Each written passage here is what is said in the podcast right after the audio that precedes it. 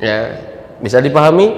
Oke, karena sesungguhnya setiap manusia selalu pingin tahu, selalu kepo. Bahkan ada anak yang kemal, kepo maksimal, ditanyain melulu. Itu kenapa? Ini kenapa? Itu kenapa? Itu kenapa? Kok bisa begitu? Kok bisa begini? Kok nggak begitu? Kok nggak begini? Nah itu.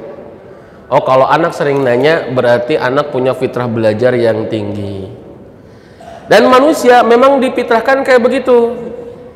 Masya Allah. Ya, Allah mengeluarkan kita dari perut ibu kita dalam Al-Quran disebutkan la ta'lamuna syai'an. Kalian tidak mengetahui sesuatu pun.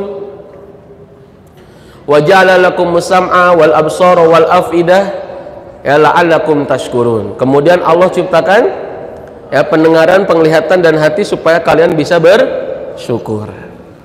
Tidak sebatas tahu. Makanya lihat nih. Pendidikan kita, pendidikan kita seharusnya adalah menghasilkan manusia-manusia yang tidak sebatas tahu tapi bisa bersyukur kepada Allah.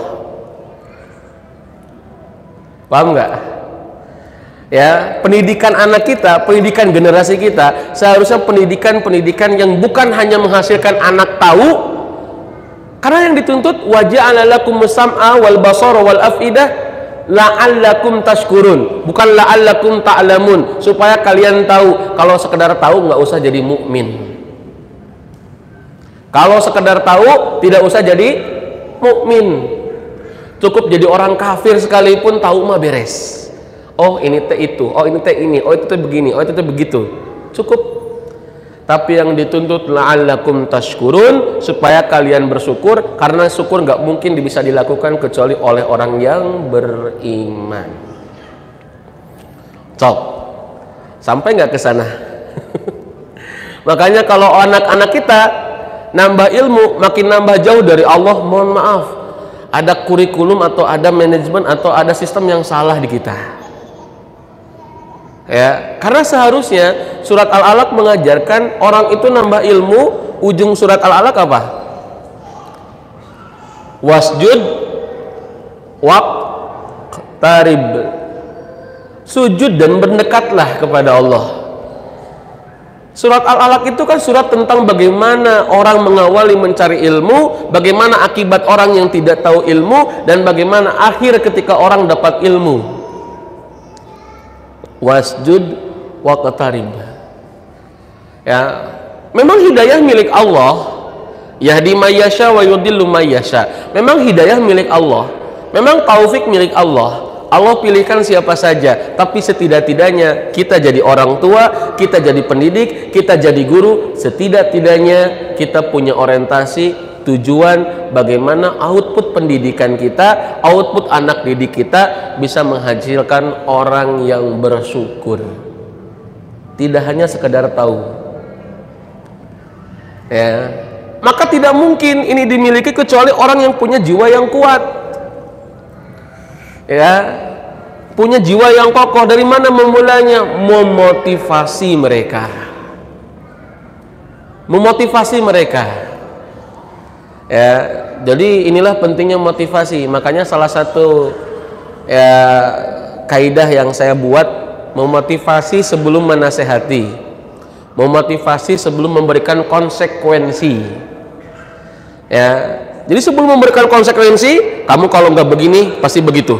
Kalau kamu nggak e, berbuat baik nanti kamu dikurangi uang jajan. Kalau kamu nggak e, kerjain kerjaan rumah kamu nanti nggak dapat itu nggak dapat ini maka kasihlah motivasi. Kalau dalam bahasa Arab para ulama mengatakan at-targhib qabla tarhib. Memotivasi sebelum menakut-nakuti. Ya termasuk menumbuhkan pendidikan iman. Targhib memotivasi. Sebelum menakut-nakuti. Makanya lihat dalam Al-Qur'an basyiron wa nadhiron kabar gembira. Betul? Sebelum nadhiron nadhiron itu apa? Memberikan peringatan. Kasih kabar gembira dulu. Kabar gembira ini motivasi. Oke okay, penting ya? Ya.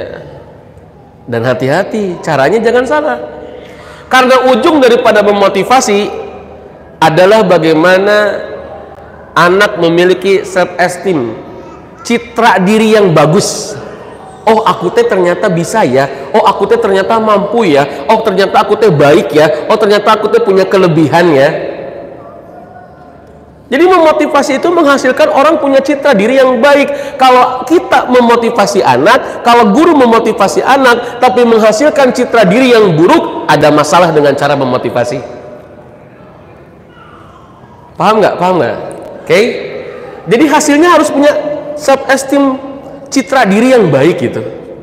Citra diri yang baik inilah yang menghasilkan orang motivasinya intristik. Motivasi intristik teh motivasi dalam diri gitunya jadi dorongan nanti dorongan ti kahayang manehna gitu lain kahayang kolot dan ini lama sekali lagi ya kalau orang memotivasi tapi menghasilkan citra diri yang buruk mohon maaf ada yang salah dengan cara memotivasi. Contohnya apa? Dengan ancaman dengan membandingkan. Ini bukan memotivasi walaupun niatnya memotivasi. Eh sorry cara begini. Mohon mohon maaf mohon maaf ya. ini masjid masjid.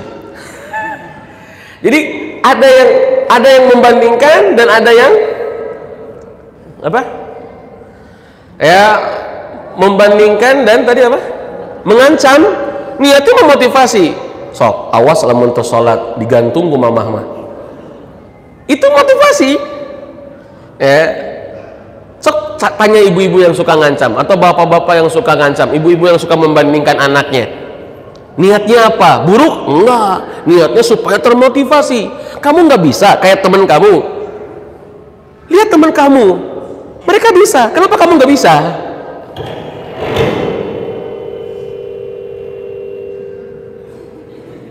Ini tidak ada kaitannya dengan jari,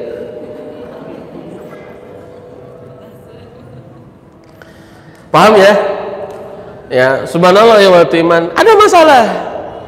Jadi memotivasi itu tidak hasil, bukan menakut-nakuti. Menakut-nakuti penting-penting, tapi ada fasenya. Ya, ada fasenya. Makanya lihat lihat ya ayat-ayat tentang istiqomah. Ya, istiqomah. Wa abshiru bil jannah. Dikasih kabar gembira dengan surga. Jadi Pak Ustadz nggak penting ya menakut-nakuti dengan neraka. Penting. Tapi basir dengan surga itu lebih utama sebelum nazir dengan neraka. Bisa ya? Oke. Okay. maka kayak kalau membandingkan kemudian mengancam niatnya memotivasi betul. Tapi tanya tanya ke anaknya coba rasakan bagaimana kita dibandingkan bagaimana kita diancam-ancam. Kira-kira kita termotivasi atau malah benci? Kira-kira kita ada nggak citra diri yang baik buat kita? Mungkin kita lakuin. Duh si mama eh hayang orang siga si Dani. Nya orang teh maksakeun we supaya membuat bangga si mama. Kira-kira itu citra diri yang baik nggak buat dirinya? Saya kira enggak ya. Walau alam sawab makanya ini penting hati-hati terutama di usia 2 sampai 4 tahun ya 2 sampai 4 tahun. Hati-hati dengan perlombaan-perlombaan ya di usia TK hati-hati itu ya. Bahkan konon di Finlandia sana konon katanya, saya cuma baca ya. Di usia SD aja udah tidak ada kompeti apa? kompetisi. Ya sudah tidak ada lomba-lomba. Mereka hanya dituntut untuk banyak karya begitu.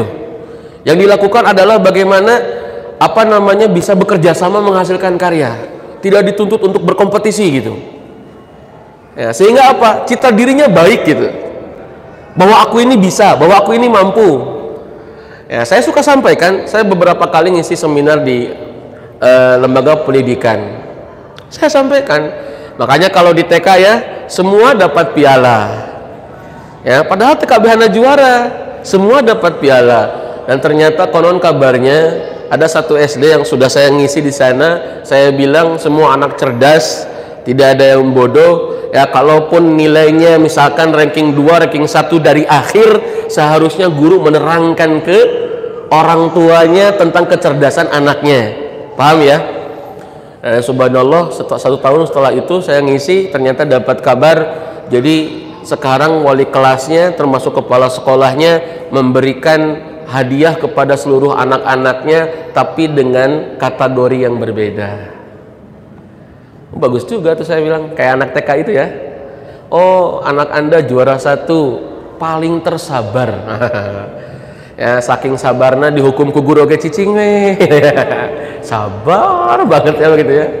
Ya atau paling paling apa namanya paling rajin datang pertama walaupun matematikanya tidak tidak 10 misalkan wah itu keren kan?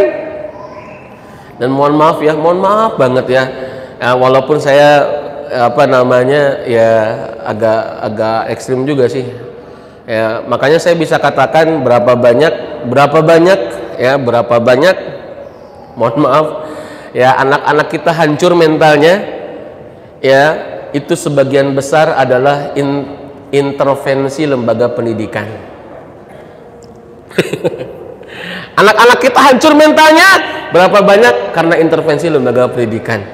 Ya dengan targetan-targetan lembaga pendidikan akhirnya apa? Anaknya tidak sesuai, orang tuanya ngawek-wek. Astagfirullah. Kumamah teh enggak disakolahkeun teh kamu teh. Ya, supaya bisa diajar. Ayeuna hasilnya kieu, kamu teh kieu hasilnya stres budak teh ya hehehe jangankan anak SD SMP SMA lihat sekolah-sekolah PAUD. Ya yang anaknya belum bisa baca yang gengsi siapa? Sim ibunya kan? Akhirnya apa? Ngiwit budakna. Ya kamu menikah ngerakennya tinggal itu mah udah dua. Kamu bacalah satu wae kali halaman 10 budak jadi korban. Betul tidak? Kira-kira kalau orang tua sudah kayak begitu, anak punya citra yang baik nggak? Nggak ada, hancur anak. Aku mah nggak bisa apa-apa. Ya, untuk si mama orang mah belet, ya orang mah telat dan lain sebagainya. Serius. Akhirnya apa? Kalau tidak punya citra diri yang baik, dia tidak akan menjadi orang yang bersyukur dengan nikmat Allah yang diberikan kepada dia. Oke? Okay?